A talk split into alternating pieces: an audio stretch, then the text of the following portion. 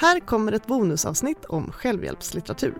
För vi hade så himla mycket att säga på ämnet så det fick bli ett eget avsnitt där vi berättar om våra favoriter i självhjälpsdjungeln. Och de mest initierade tipsen kommer från vår självhjälpsexpert Carl Cederström som är docent i företagsekonomi. Men Emma Frans och jag, Clara Wallin, delar också med oss av de självhjälpsböcker som haft störst betydelse för oss. Here's a cool fact. A crocodile can't stick out its tongue. Another cool fact, you can get short-term health insurance for a month or just under a year in some states. United Healthcare short-term insurance plans are designed for people who are between jobs, coming off their parents' plan, or turning a side hustle into a full-time gig.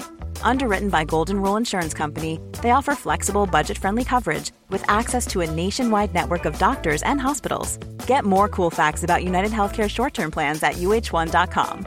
Mother's Day is around the corner. Find the perfect gift for the mom in your life with a stunning piece of jewelry from Blue Nile. From timeless pearls to dazzling gemstones, Blue Nile has something she'll adore. Need it fast? Most items can ship overnight. Plus, enjoy guaranteed free shipping and returns. Don't miss our special Mother's Day deals. Save big on the season's most beautiful trends. For a limited time, get up to 50% off by going to Blue BlueNile.com. That's Blue BlueNile.com. Many of us have those stubborn pounds that seem impossible to lose, no matter how good we eat or how hard we work out. My solution is PlushCare. PlushCare is a leading telehealth provider with doctors who are there for you day and night to partner with you in your weight loss journey. They can prescribe FDA-approved weight loss medications like Wagovi and Zepbound for those who qualify. Plus, they accept most insurance plans. To get started, visit plushcare.com slash weight loss. That's plushcare.com slash weight loss. A-kursen sponsras av Akademikernas a-kassa. Det är också Sveriges största a-kassa. Och varför ska man vara med i a-kassan? För att sova bättre om nätterna. För det här är ju någonting som ger en trygghet. Man står inte helt utan pengar om man då skulle bli av med arbetet. Och det är ju jättetråkigt att bli av med jobbet men det blir ju mindre tråkigt om man har safeat upp lite och betalat in 130 kronor i månaden till akademikernas a-kassa så att man ändå kan få ut upp till 26 400 kronor i månaden. Och om man inte blir av med jobbet så kan man ju vara glad att man bidrar till trygghet för någon annan som förlorar jobbet. Ja, och om man byter jobb då behöver man ju inte heller byta a-kassa just för att det handlar ju inte om exakt vad man sysslar med utan det handlar ju om huruvida man är akademiker eller inte. Och det är vi hela livet. Verkligen, det är vi ju redan som studenter och även studenter är välkomna att bli medlemmar om man har som mål att ta minst 180 högskolepoäng. Så gå in på akademikernasakassa.se a-kursen i ett ord och bli medlem redan idag. Och tryggare kan inga vara än vi medlemmar och Guds lilla barnaskara. Ni två. Mm. Jag tror barnaskaran är större och medlemmarna med. Tusen tack Akademikernas a-kassa för att ni sponsrar A-kursen. A-kursen sponsras av TCO, Tjänstemännens centralorganisation. Föräldraförsäkringen fyller 50 år i år. Hipp hipp hurra! Hurra för dem! Eller hurra för oss! Ja, gud ja. Vi är ett rätt stort gäng som har kunnat njuta av denna föräldraförsäkring som när den kom till kallades för ett vansinnigt förslag av motståndarna. Men den revolutionerade synen på jämställt föräldraskap och utvecklingen mot en mer jämställd fördelning av föräldrapenninguttaget har gått framåt. Men sen 2018 har det stått nästan helt still på den fronten, vilket är ju supertrist. För det här ojämna uttaget skapar långvariga och bestående inkomstskillnader mellan kvinnor och män. Och i snitt går kvinnor miste om 50 000 kronor per år. Och det här innebär ju att pappa pappor missar en massa värdefull tid med sina barn. Så det blir ju en lose-lose situation. Hur hade ni det? Var ni bra på att dela? Vi var väldigt bra på att dela skulle jag säga. Jag tog första delen, men sen hade vi faktiskt också ett upplägg som var jättehärligt där vi båda liksom jobbade halvtid och var föräldralediga på halvtid sista liksom perioden innan i alla fall vårt andra barn började på förskola. Så dela mera, säger vi. Eller hur? Absolut. Och för att fira denna fantastiska 50-årsdag som föräldraförsäkringen firar så har TCO gjort en dokumentärfilm ledd av skådespelaren Emma Molin som i lite härlig historieätaranda berättar om vad som egentligen hänt sedan 1974. Så in och kika på den på TCOs sajt. Tack TCO för att ni sponsrar A-kursen. En självhjälpsbok som jag ändå skulle vilja rekommendera är Cal Newports Deep Work den kom ut 2016 och har underrubriken Hur du finner fokus och djupjobbar i en distraherad värld. Strategier för kontroll, mindre stress och digital minimalism. Och Cal Newport är professor i datavetenskap och det var han själv då som myntade det här begreppet deep work. Och han delar upp jobb i antingen ytligt arbete eller djuparbete. Och om man ska lyckas djupjobba så kan man inte utsätta sig själv för några som helst distraktioner. Men att i dagens digitala klimat så lyckas vi människor väldigt sällan gå ner i det här djupjobbsmodet. Vilket inte alls är bra, för samtidigt som vi blir mer och mer distraherade så utvecklas AI och robotar som kan göra det här ytliga jobbet. Men att det här djupjobbet, det är något som vi människor än så länge är de enda som klarar av. Så det är väldigt viktigt ur en liksom, konkurrenssynpunkt också att vi håller fast vid den här förmågan att kunna djupjobba. Och att vi också kan bli bättre och bättre på det. Att man kan träna upp sin koncentration som man tränar en muskel. Men att vi är så vana vid de här ständiga små kickarna så att det är så otroligt lätt att så fort man stöter på lite motstånd i sitt jobbande så kan man gå in och kolla sociala medier eller kolla sin mejl och sådär. Och då har han som en strategi för det här hur man då ska planera sin dag och att då ha en avsatt tid, mer än 30 minuter, för just djupjobb och sen tar man en paus från det och kanske gör sitt ytliga jobb och sen går man ner i djupjobb. Och också att man liksom som målsättning kan jobba med så här att så här många djupjobbstimmar ska jag ha varje vecka, mer än bara vad man uträttar. Och att i dagens arbetsklimat så kan det vara så lätt att blanda ihop upptagenhet med produktivitet. Att man har så mycket att göra, man har så mycket möten och det är så mycket hela tiden. Och att ett problem är att det inte alltid är så mätbart. Att så här, nu har jag mätt hur många mejl jag svarat på. Det har inte skapat något större värde för mitt företag eller för mig själv. Men om man istället mäter djupjobbstimmar så kommer liksom resultatet bli mycket bättre. Så den tycker jag faktiskt är väldigt bra. Jag har faktiskt också läst den och tyckte också att den var väldigt bra. Sen skulle jag väl inte säga att jag applicerar den jättemycket liksom, i mitt dagliga arbetsliv. Men däremot så har den fått mig ändå lite så reflektera kring hur ska jag lägga upp mitt arbete. För mig så passar det bättre att djupjobba tidigt på morgonen. Och Då kanske jag spar det här med att liksom svara på mejl till eftermiddagen. Och sen också just det här att man på olika sätt försöker... Ja, men till exempel under pandemin så var det ju sån extrem inflation i möten. För det blev helt plötsligt så superlättillgängligt att bara boka in ett Zoom-möte. Vilket gjorde att folk liksom okynnesbokade in massa möten överallt. Saker som man skulle kunna tagit snabbt över telefon eller som skulle ha kunnat vara en väldigt kort mejlkonversation blev istället då ett möte som man var tvungen att boka in i sitt schema. Vilket jag tycker liksom påverkar hela... Liksom, ja men det är verkligen ett moment som kan liksom helt avbryta ens flow om man syssla med någonting annat. Man måste komma ihåg den här tiden. Och också att det liksom blir det väldigt mycket såna här möten. Så det skapar en illusion av att man har väldigt mycket att göra. Men det ger inte så himla mycket avkastning tycker jag. Så att jag försöker på olika sätt hela tiden, ja, men lite att jag använder tankarna från den här boken också för att faktiskt sätta mig ner ibland och tänka, är det här jobb eller är det här bara bullshit?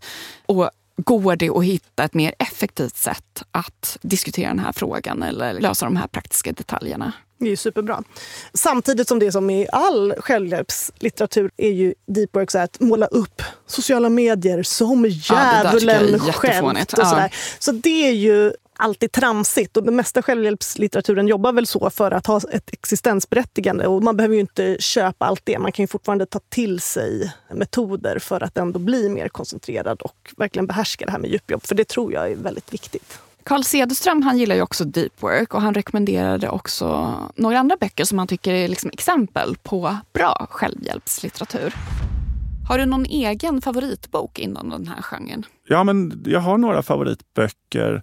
Och en det är den här som jag tror heter Joshua Ferry som handlar om minnestekniken. Om man nu vill kalla det för en självhjälpsbok, tveksamt, så tycker jag väldigt mycket om den. Och eh, det är en person som jag faktiskt tycker är väldigt bra. Återigen tveksamt om man skulle kalla honom för självhjälpsförfattare.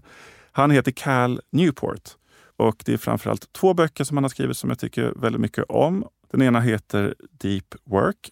Sen skrev han en uppföljare som också var väldigt bra som heter Digital Minimalism. Och jag undrar om jag kanske inte skulle rekommendera den ännu mer. Den är ju faktiskt väldigt praktisk. Den ska jag säga att jag haft användning för. Sen, ja, jag är lite svag för de här organiserings eh, strukturerings eh, självhjälpsböckerna och då är det framförallt eh, han som lanserade det man kallar för Getting things done som också ritar upp olika system för hur man liksom sorterar allt från post och andra saker. Sen måste jag säga faktiskt Marie Kondo, den eh, japanska städgurun. Och eh, hon har ju då olika tekniker för hur man liksom viker tvätt. Om det är liksom två tekniker som jag verkligen följer och som jag skulle säga är kanske inte grundbulten i hela mitt liv, men åtminstone halva, så är det Marie Kondos viktekniker och eh, metoden. Och sen är det också den här boken Atomic Habits som är ganska bra. Och det är en sak han skriver i den boken som jag tycker väldigt mycket om och det är det här med liksom låga trösklar. Att man ska göra saker som man vill göra. Man ska liksom göra det lätt att göra det och inte ha så höga krav på sig själv. Så han beskrev, om det nu var han själv eller om det var någon annan, som ville börja gå på gym. Och eh, Då var regeln att han bara skulle gå till gymmet. Han behövde liksom inte, göra, han behövde inte lyfta någonting utan bara vara där liksom en stund. Och till slut, så, ja, när han ändå var där, så kunde han liksom lyfta lite vikter. Och, eh, jag tycker inte alls det är roligt att träna, men jag har en metod som kommer från min flickvän som är att vi springer varje dag och regeln är att vi springer inte särskilt långt och långsamt. Men den viktiga regeln är att aldrig någonsin försöka springa längre eller snabbare. Så man skulle kunna kalla det liksom en antiprogressionsidé.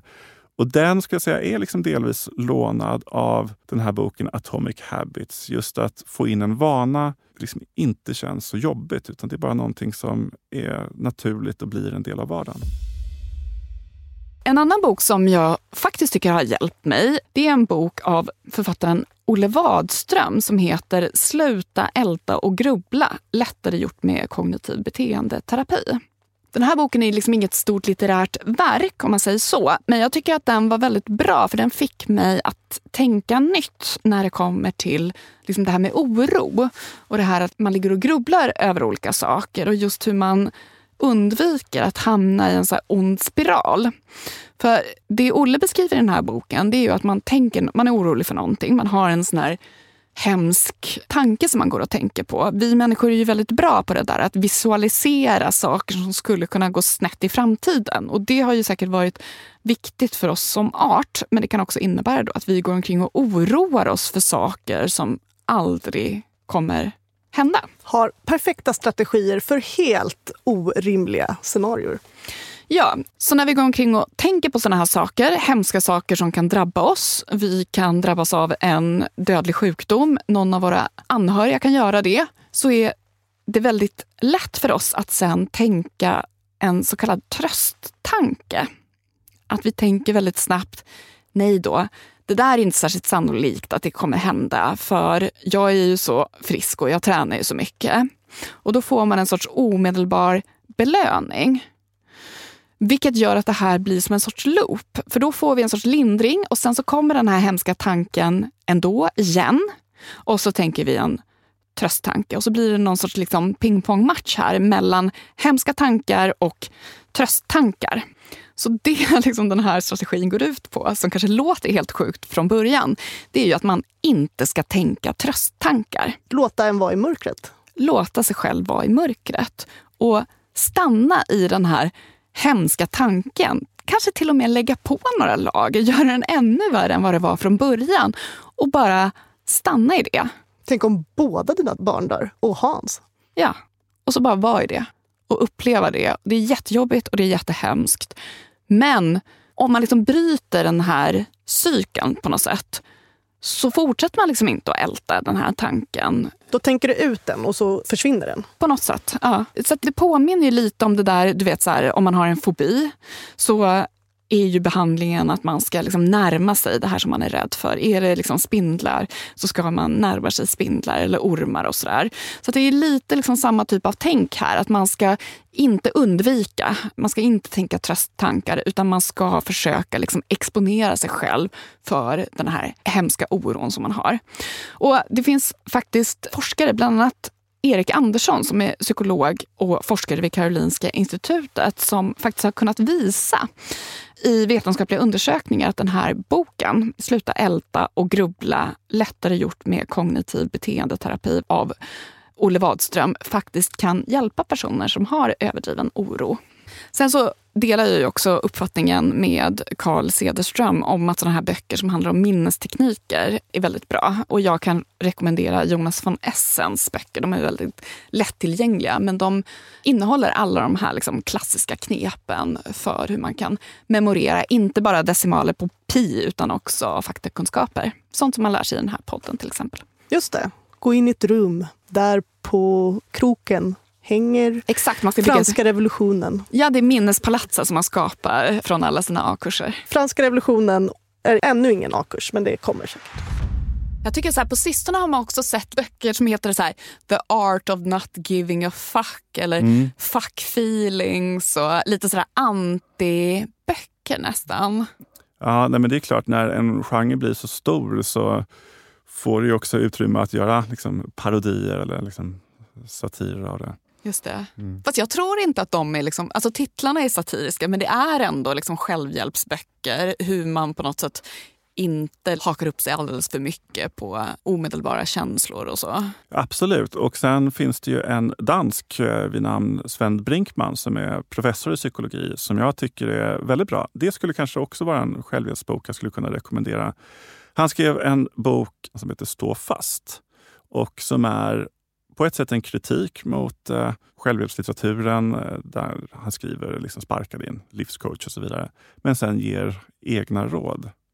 Och det tyckte jag har varit svårt att skriva inom den här genren för att det är eller jag har inte skrivit inom den här genren utan jag har försökt skriva om den här genren. Och eh, även om man då försöker skriva en eh, skildring eller liksom ett samhällsperspektiv på de här frågorna så blir i slutändan kommentarerna som man får från personer runt om sin omgivning, men vad funkar bäst då? Och det är någonting djupt mänskligt i att vi hela tiden ställer oss de frågorna. Hur ska vi kunna leva ett bra liv? Och det är ju också en av ursprungsfrågorna i filosofin. Att eh, hur ska vi kunna leva ett bra, meningsfullt liv? Och även om självhjälpsgenren har ett annat språkbruk och eh, använder sig av eh, liksom andra modeller och metoder så appellerar den ju till en liksom djupt mänsklig filosofisk fråga om vad det betyder att vara människa och hur vi kan leva ett liv som känns meningsfullt. Och med det lämnar vi självhjälpslitteraturen bakom oss och blickar framåt mot nästa vecka då vi kommer djupdyka i vetenskapen om träning. För nu i början av januari är det ju väldigt trångt på gymmet då många haft som nyårslöfte att bli starkare, hälsosammare och kanske smalare. Men vad ska man inte göra om man vill lyckas uppnå sina mål?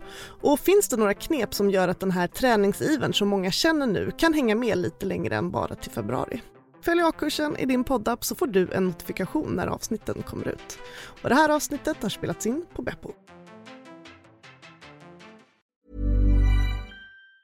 Planning for your next trip? Elevate your travel style with Quince. Quince has all the jet-setting essentials you'll want for your next getaway, like European linen, premium luggage options, buttery soft Italian leather bags, and so much more. And it's all priced at 50 to 80% less than similar brands. Plus, Quince only works with factories that use safe and ethical manufacturing practices. Pack your bags with high-quality essentials you'll be wearing for vacations to come with Quince. Go to quince.com/trip for free shipping and 365-day returns.